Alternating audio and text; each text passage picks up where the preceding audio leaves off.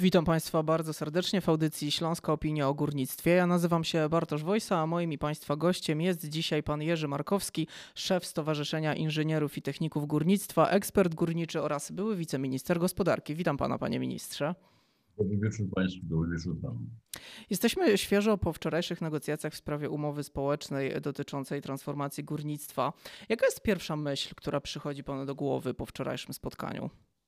Po pierwsze, wczoraj nie odbyły się prawie żadne negocjacje, bo spotkanie, które trwało 25 minut, trudno nazwać negocjacjami. Było to drugie spotkanie z serii e, zapowiedzianych po podpisaniu porozumienia w połowie września pomiędzy e, wiceministrami aktywów państwowych oraz przedstawicielem Urzędu Rady Ministrów oraz związk, centralami związków zawodowych, przy czym we wczorajszym jeszcze uczestniczyli prezesi spółek spółek węglowych. Ja e, wszystkie strony tego spotkania e, e, zadeklarowały po pierwsze chęć rozmawiania dalej. To jest mhm. bardzo dobrze. Przy czym strona związkowa już wyeliminowała ten projekt rządowy i uznała, że przyszedł czas na to, żeby przedstawić swój. Stąd też jak gdyby dzisiaj nie ma płaszczyzny do dyskusji, bo nie ma dokumentu. Czekamy na to, co przedstawi, przedstawią związki zawodowe. Mają to zrobić w najbliższy, w najbliższy piątek. Jakie są, jaka jest dygresja podstawowa? Wie pan, dygresja podstawowa jest taka, że e, niezwykle pompatycznie nazwano dokument, który ma być podpisany. E, pisze się o nim jako o wielkiej umowie społecznej dotyczącą procesu restrukturyzacji górnictwa węgla kamiennego. Pan, troszkę, troszkę trochę późno, bo proces restrukturyzacji górnictwa węgla kamiennego w Polsce dokonuje się dokładnie od 30 lat. Od roku 1990. Mhm. I wtedy, bo wtedy y, no, podjęto pierwsze wysiłki jakiegoś y, usamodzielnienia tego podmiotu, tego, tego sektora, no a przeszło, przeszło to górnictwo wiele etapów, ale żeby wskazać skalę tej drogi, którą mamy za sobą, ja przywołam kilka liczb. W 90 roku w górnictwie pracowało 440 tysięcy ludzi. Dziś pracuje niecałe 80, czyli mamy już za sobą 80% problemów społecznych. Po drugie, w górnictwie w 90 roku wydobywano prawie 190 milionów ton węgla.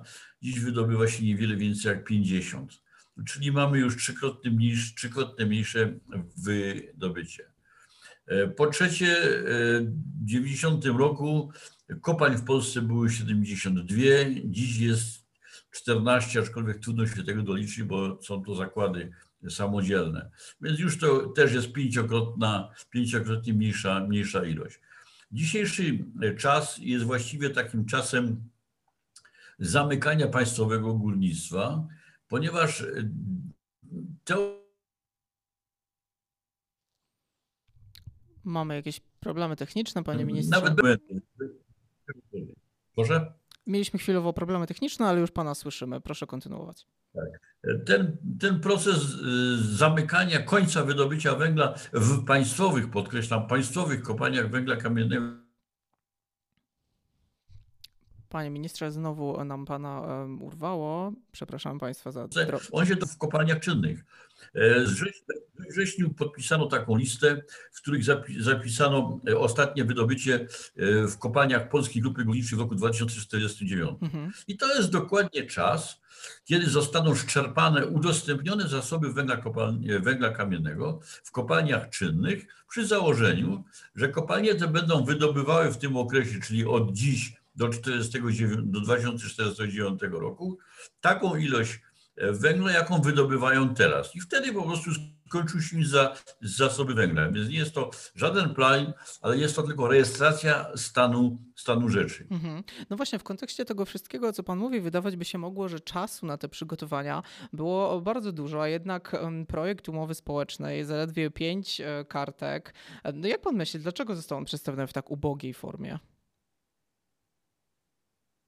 Wie pan, bo tak naprawdę to trudno o szczegóły, powiem panu szczerze, mm -hmm. bo mhm. e, miejscem na szczegóły, proszę pana, są biznesplany spółek węglowych mm -hmm. i mhm. poszczególnych kopalń. A nie jest miejscem na szczegóły dokument o randze rządowej. Wie pan, ja, ja śledzę górnictwo w całym świecie, zresztą e, zajmuję się nim zwłaszcza poza granicami kraju. I proszę mi wierzyć, nigdzie rząd żadnego państwa, nawet tam, gdzie węgiel jest bardzo znaczący, tak jak Chiny, Indie czy Stany Zjednoczone, Australia, Nowa Zelandia, RPA, Australia, nigdzie rząd nie, nie zajmuje się wydobywaniem węgla. Mhm. Nigdzie rząd nie próbuje określić czasu funkcjonowania kopalń. Nigdzie rząd nie wyznacza żadnych zadań dla tego sektora poza zadaniem podstawowym ilości wydobytego węgla.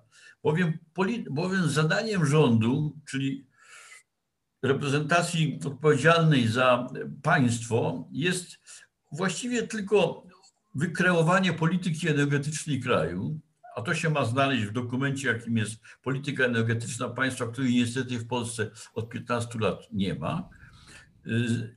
Uchwalenie, i to nie, na, nie nawet nie w randze ustawy, tylko w rozporządzenia Rady Ministrów miksu energetycznego, czyli proporcji poszczególnych surowców energetycznych. No i proszę pana, tak właściwie to, to jest wszystko, jeżeli chodzi o ingerencję państwa, mhm. bowiem celem państwa, jak ja to rozumiem, jest, jest zachowanie za wszelką cenę dostatku energetycznego. Co to znaczy dostatek energetyczny? Nie może go braknąć.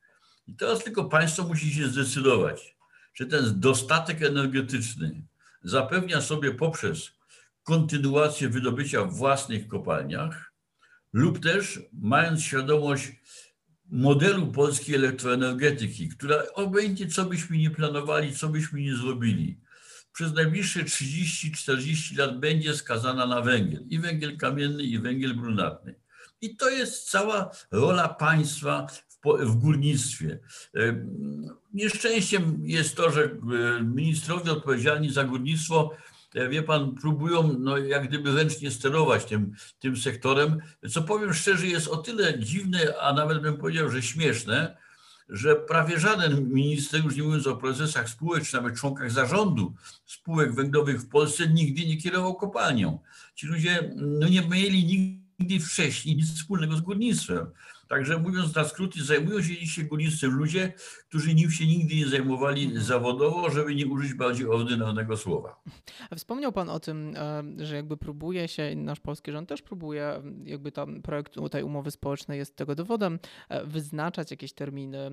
Tutaj pojawiła się data końcowa zakładająca likwidację górnictwa węgla kamiennego do 2049 roku. Myśli Pan, że można się spodziewać jeszcze zmiany tego terminu końcowego? Proszę pana, e, dłużej żadna kopalnia wymieniona w tym porozumieniu nie będzie wydobywała, bo jej się wcześniej skończy węgiel. Mhm. E, one, jeżeli będą, proszę pana, te kopalnie zmuszone liczyć pieniądze, czyli obniżyć koszty wydobycia, to skończą wydobycie dużo wcześniej. No bo y, oczekiwanie na to, że ta umowa społeczna stanie się podstawą do tego, żeby zasilić sektor pieniędzmi, jest moją, moim zdaniem oczekiwaniem ułomnym. To się nie stanie. Jeżeli tylko się stanie, to tylko na to, co będzie związane z likwidacją kopalń trwale nierentownych. Natomiast moim zdaniem nie można liczyć na to, że Unia Europejska zaakceptuje powrót w Polsce do tego, z tym, do tego, z czym skończyliśmy w roku 1992, jeszcze za czasów premiera Balcerowicza, z dotowaniem wydobycia węgla, czyli dotowaniem kosztów jego produkcji. Od roku 90, właściwie 8 od rządu pana premiera Buzka, e, e, budżet państwa asygnuje środki na fizyczną likwidację kopalń.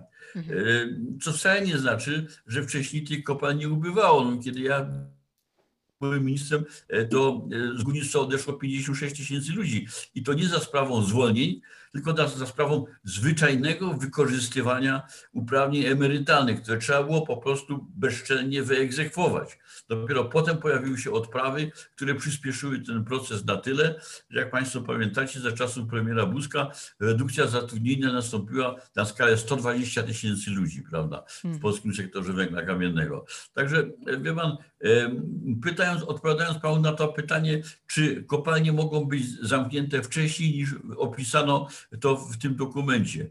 Na pewno nie później, bo później to już nie będzie czego wydobywać. Mhm. Natomiast wcześniej tak i to wcześniej wtedy, kiedy albo powtarzam, ceny węgla spadną, a spadają e, na e, rynkach e, światowych, no za sprawą zresztą recesji pandemicznej, to, to, to, to po pierwsze. I, a, czyli sektor kopalnie zostaną, wie pan, poszkodowane poprzez zmniejszenie przychodów z tytułu sprzedaży węgla. No bo jak cena jest mniejsza, wielkość wydobycia ta sama, koszt nie maleją, no to przychody siłą rzeczy stają się coraz to, co, co, coraz to mniejsze. No i wtedy trzeba, i wtedy trzeba szukać sposobu. Tu znowu jest miejsce na politykę państwa, które musi albo zaakceptować i tak istniejący i niestety rosnący import węgla do Polski, który wprawdzie w tym roku, za ubiegły rok jest e, już tylko na poziomie ponad 10 milionów ton, ale jeszcze 3 lata temu był na poziomie 15 milionów ton, a to, za, a to że w ubiegłym roku było mniej, no to za sprawą tej nieszczęsnej pandemii. Ale jeżeli będzie ubywało węgla kamiennego z własnych kopalń, no to siłą rzeczy trzeba będzie ten system energetyczny zasilać węglem importowanym lub też stanie się to, na co od dawna mają ochoty, ochotę inwestorzy zagranicznych, y, zainwestować w Polsce w wydobywanie węgla. Oczywiście nie poprzez kupowanie polskich kopalń, bo żaden inwestor zagraniczny nie chce kupować polskiej kopalni. Jedyną kopalnią, jaką kupili kiedyś Czesi, zresztą już ją sprzedali w ubiegłym miesiącu, to była kopalnia PG Silesia. No i też z jakichś powodów e, przestali się tym e, interesować. Mhm. Żaden inwestor zagraniczny nie chce kupować w Polsce kopalni, to trzeba uczciwie powiedzieć. Natomiast chcą tacy, którzy chcą we własnych kopalniach, według własnego modelu, w oparciu o własne technologie, ale w oparciu o polskich górników, o polskie polskie maszyny, płacąc polskie, w Polsce podatki, wydobywać węgiel, który będzie uzupełniał deficyt węgla w Polsce w miejsce węgla importowanego.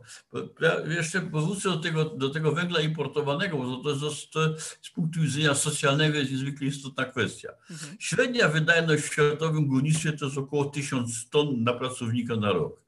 To znaczy, że dzisiaj w tej chwili importując do Polski 10 milionów ton, utrzymujemy około 10 tysięcy miejsc pracy poza granicami kraju. E, parę lat, a ponieważ miejsce pracy w górnictwie odtwarza trzy miejsca w otoczeniu, więc można mówić o tym, że importując do Polski 10 milionów ton węgla, utrzymujemy w Rosji, w Stanach Zjednoczonych, w RPA, e, w Chinach łącznie około 40 tysięcy miejsc pracy. No to to jest 80% miejsc pracy w, w polskim górnictwie. Mhm. Ale ja chciałbym się odnieść na chwilę do tego, mm, o czym Pan mówił w kontekście mm, Unii Europejskiej, bo wydaje mi się, że warto podkreślić, że chodzi tutaj nie tylko o to, żeby mm, strony w Polsce się porozumiały w sprawie projektu umowy społecznej, ale również Komisja Europejska musi tę umowę zaakceptować. Artur e, Soboń, wiceminister aktywów państwowych, przekonywał wczoraj dziennikarzy, że Komisja Europejska patrzy przychylnie na ten projekt. Wierzy Pan e, tym zapewnieniom? Tak, ja wierzę tym zapewnieniu, zapewnieniu ponieważ, e, e, proszę pana, Unia Europejska, a wie pan, trochę się czuję e, ojcem tego poglądu Unii Europejskiej, nigdy, nigdy nie wymuszała na Polsce odejścia od węgla.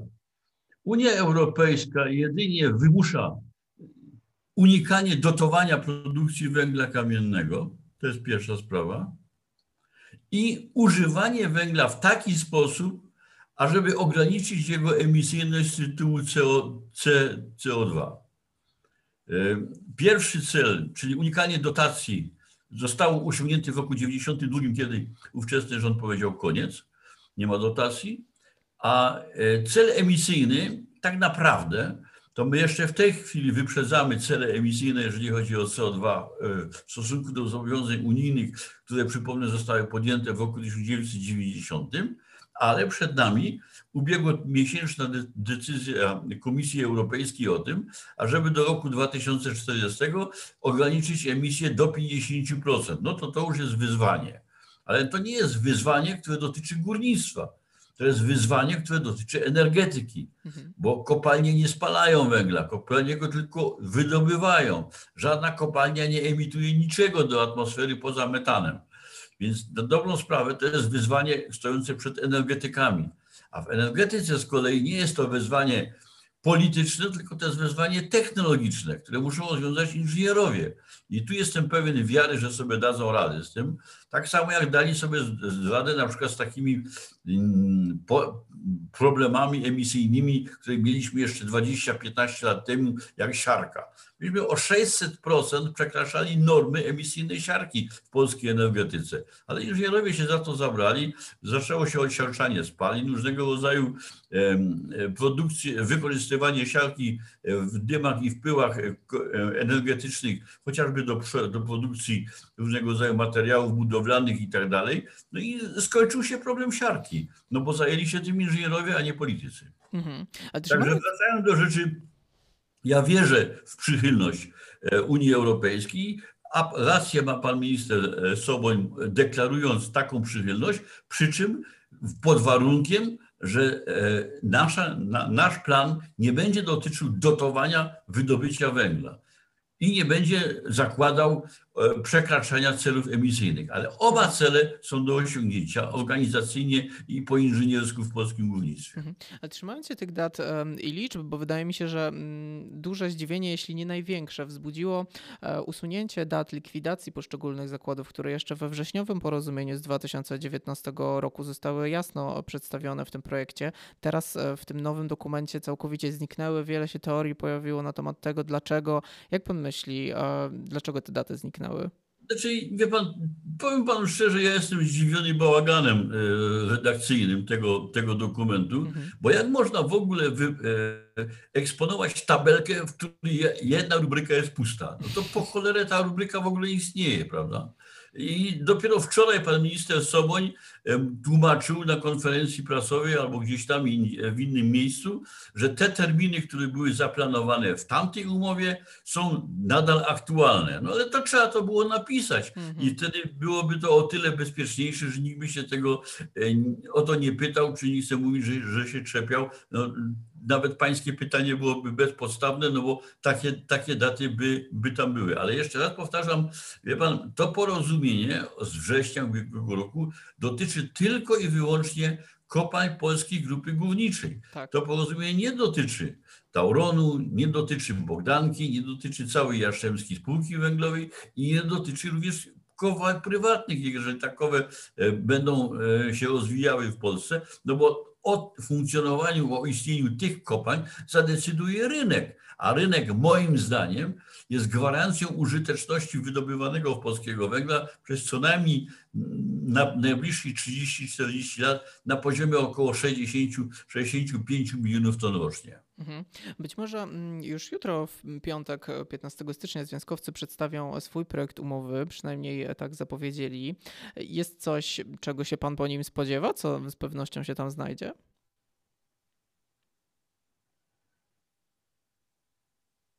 To znaczy, związkowcy będą stawiali prawdopodobnie na stabilność zatrudnienia mhm. dla ludzi zatrudnionych w górnictwie.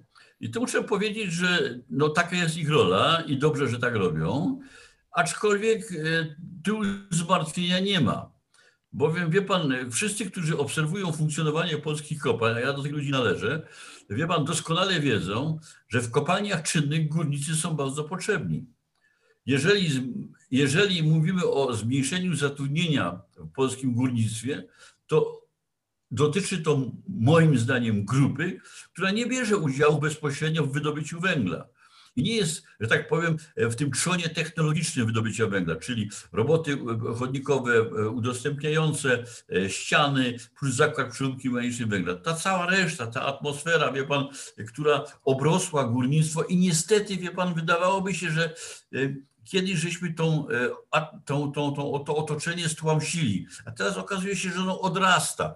Jak ja obserwuję to, co robi Jastrzębska Spółka Węglowa, która, wie pan, zajmuje się już dzisiaj wszystkim, tylko nie wydobyciem węgla, wie pan, zresztą nawet próbują z, z nazwy swojej spółki wycofać pojęcie węgiel, no, to jakoś, proszę pana, kłóci się to z istotą funkcjonowania tego podmiotu, który, no już pomijając to, że ma w nazwie tą, tą spółkę węglową, ale przede wszystkim istotne jest to, że te wszystkie działalności, które planują, opłacają koszt, e, koszt obciążając koszt wydobycia tony, ton, tony węgla, czym pogrążają konkurencyjność własnego własnego produktu. I potem się panowie w Jastrzębskiej Spółce Węglowej dziwią, że mają pełne zwały niezbywalnego węgla. No bo skoro go wydobywają zbyt drogo, no to nikt go nie chce kupić, skoro na rynku jest węgiel tańszy. A węgiel tańszy koksowy jest dzisiaj w Czechach, na Ukrainie i oczywiście w Rosji. Mhm.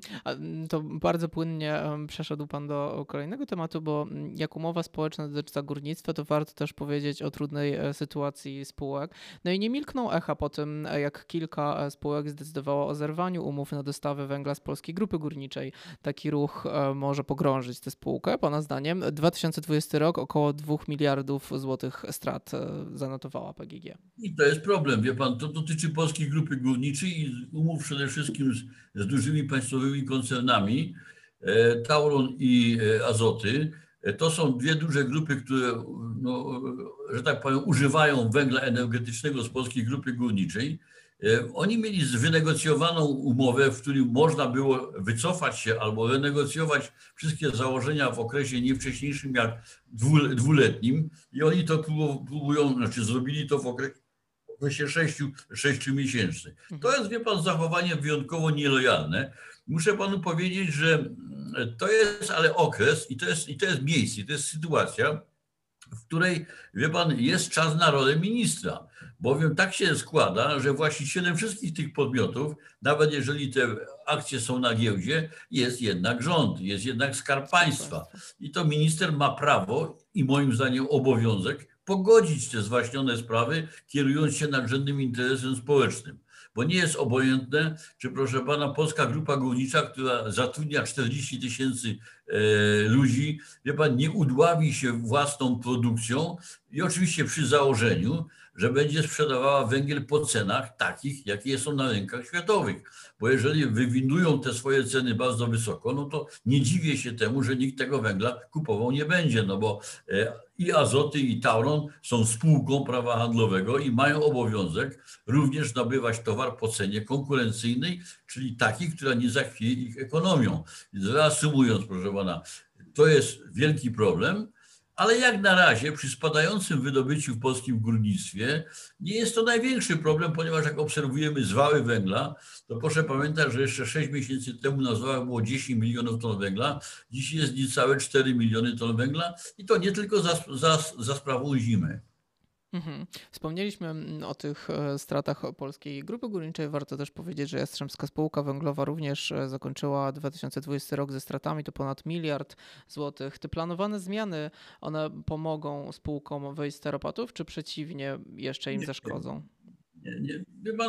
To porozumienie nie zawiera żadnego ruchu, który miałby obniżyć koszty wydobycia mhm. E, w górnictwie, ponieważ jedynym elementem, który mógłby obciążać koszty wydobycia z tytułu znikających kopalń, likwidowanych kopalń, to ponoszenie przez te spółki węglowe kosztów likwidacji tych kopalń. A ten obowiązek i to finansowanie przejęło na siebie państwo.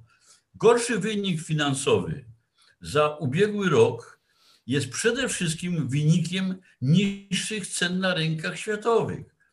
Ten sukces zysku 4 miliardów za rok 2018 był efektem cen na rynkach światowych, a nie cudu w zarządzaniu polskim sektorem węglowym, jak to próbowali niektórzy wiceministrowie e, prze, prze, prze, przedstawiać. E, to po, tutaj nic nie miało do czynienia, nic, nic się nie stało za sprawą zarządzania. To wszystko się sprało za, za sprawą cen światowych. I teraz, kiedy ceny światowe spadły, a koszty niestety w polskim górnictwie rosną, bo inwestycji modernizacyjnych nie ma, no to siłą rzeczy e, przychody maleją no i wynik się pogarsza. Stąd też moim zdaniem sektor węgla kamiennego rok 2020 zamknie stratą na poziomie powyżej 4 miliardów złotych. To nie jest dramat, ale jest to dużo. Mhm. Panie ministrze, i na koniec plan niezmienny to podpisanie umowy społecznej do połowy lutego tego roku. Myśli pan, że to się uda? Wie pan, jeżeli ta umowa społeczna będzie bardzo krótkim dokumentem, w którym obie strony przyrzekną sobie nawzajem, że będą, proszę pana, lojalnie się traktowały, że nie będą szukały sposobu na to, żeby się nawzajem, że tak powiem, wyprowadzić w pole. To znaczy związkowcy nadmiernymi żądaniami płacowymi, a strona rządowa jakimiś ukrytymi finezjami w zakresie e, likwidacji poszczególnych zakładów górniczych, to ten dokument może być dokumentem nawet nie czterostronicowym, tylko jednostronicowym, bowiem on ma tylko zawierać intencję uczciwego traktowania się. Ponieważ niczego więcej nie jesteśmy tak naprawdę w stanie przewidzieć, bo, bo my nie możemy być tak naiwni, że założymy, że związkowcy wiedzą, co się będzie działo w gospodarce, a zwłaszcza w systemie elektroenergetycznym za lat 5, 10, 15. Panie redaktorze, naukowcy tego nie wiedzą przemiany technologiczne, nowoczesność, wie pan, sytuacje nadzwyczajne, wie pan, to jest mechanizm, innowacyjność, pojawianie się pewnego rodzaju E, indywidualności w gospodarce, mówię o indywidualnościach personalnych. To jest mechanizm, który napędza przemiany, a nie umowy pomiędzy ministrem, który nigdy w życiu nie widział kopalni z bliska, a związkowcami, którzy 30 lat temu ostatnio zjechali na dół. Panie ministrze, mm, kolejne negocjacje, jak już wspomnieliśmy, w sprawie umowy społecznej czekają nas 25 stycznia i wtedy być może poznamy bardziej szczegółowy plan na to, jak ma wyglądać e, ten dokument, mm, który zresztą dotknie cały śląski region, choć pewnie nie tylko. Czekając aż to nadejdzie, zachęcamy naszych słuchaczy do śledzenia portalu Śląska Opinia, gdzie znajdziecie Państwo mm, na bieżąco informacje w tej sprawie i nie tylko w tej sprawie. A ja bardzo dziękuję Panu, Panie Ministrze, za rozmowę. Naszym gościem gościem był Jerzy Markowski, szef Stowarzyszenia Inżynierów i Techników Górnictwa, ekspert górniczy oraz były wiceminister gospodarki. Dziękuję bardzo. Dziękuję bardzo.